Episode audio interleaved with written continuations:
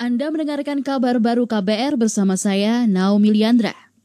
Pemerintah Kabupaten Goa Provinsi Sulawesi Selatan memutuskan tidak melanjutkan pembatasan sosial berskala besar atau PSBB. PSBB berakhir pada Minggu 17 Mei kemarin. Bupati Goa, Adnan Puritcha Iksan mengatakan, selain karena ada kebijakan pemerintah pusat yang kontradiktif, penerapan PSBB juga butuh anggaran banyak. Jika PSBB dilanjutkan, maka dianggap tidak efektif lagi kalau tetap melanjutkan PSBB, maka ini berkontra kontradiktif dengan apa yang menjadi kebijakan pemerintah pusat.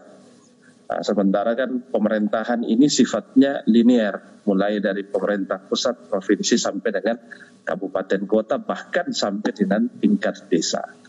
Oleh karena itu, inilah berbagai pertimbangan yang se yang akhirnya kita menyepakati, Forkopimda Kabupaten Goa menyepakati untuk tidak melanjutkan PSBB Kabupaten Goa.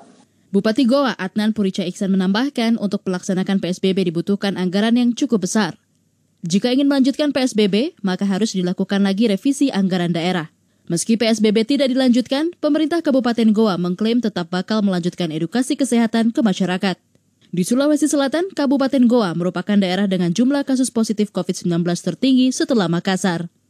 Pada hari ke-23 operasi ketupat, Polri kembali memaksa lebih dari 1.000 unit kendaraan untuk putar balik kembali ke tempat asal. Kendaraan-kendaraan itu meliputi mobil pribadi, kendaraan sewa, bus, hingga kendaraan roda dua. Juru bicara Mabes Polri Ahmad Ramadan mengatakan, kendaraan-kendaraan itu diminta putar balik karena terindikasi akan mudik. Dengan demikian, jumlah ton yang diperintahkan putar balik selama 23 hari pelaksanaan operasi ketupat sebanyak 48.472 kendaraan. Juru bicara Mabes Polri Ahmad Ramadan menambahkan, sebagian besar kendaraan itu dipaksa putar balik oleh tim patroli Polda Metro Jaya, disusul Polda Banten dan Polda Jawa Barat. Selain operasi ketupat, Polri juga melakukan operasi aman Nusa 2 dalam pencegahan penyebaran COVID-19. Menurut Ahmad Ramadan, dalam operasi itu Polri membubarkan kerumunan massa sebanyak lebih dari satu juta kali, penyemprotan disinfektan sebanyak satu juta empat ratus kali, dan edukasi masyarakat hingga empat juta kali. Majelis Ulama Indonesia atau MUI mengeluarkan panduan pelaksanaan sholat Idul Fitri di rumah. Panduan itu ditujukan bagi masyarakat yang berada di kawasan yang rentan penularan COVID-19. Sekretaris Komisi Fatwa MUI Asrorun Niam Soleh mengatakan, Sholat Idul Fitri di rumah bisa dilakukan secara berjamaah maupun sendiri. MUI menyatakan sholat Idul Fitri bisa dilakukan tanpa khotbah apabila di rumah tidak ada yang memiliki kemampuan atau keberanian berkhotbah.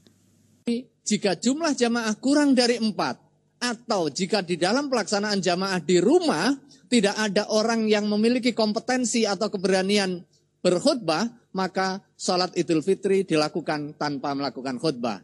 Nah khusus jika dilaksanakan sholat sendiri, maka bacaannya tidak perlu dikeraskan dan tidak perlu ada khutbah. Sekretaris Komisi Fatwa MUI Asrorun Diam Soleh menambahkan, selain sholat Idul Fitri, MUI juga mengeluarkan fatwa tentang pemanfaatan zakat infak sodakoh untuk penanggulangan COVID-19. Dalam fatwa itu, zakat mal boleh ditunaikan dan juga disalurkan lebih cepat dari waktu wajib sebelum sampai satu tahun penuh apabila telah mencapai nisab. Fatwa itu dimaksudkan agar zakat mal dapat segera dinikmati orang yang membutuhkan. Demikian kabar baru KBR, saya Naomi Liandra.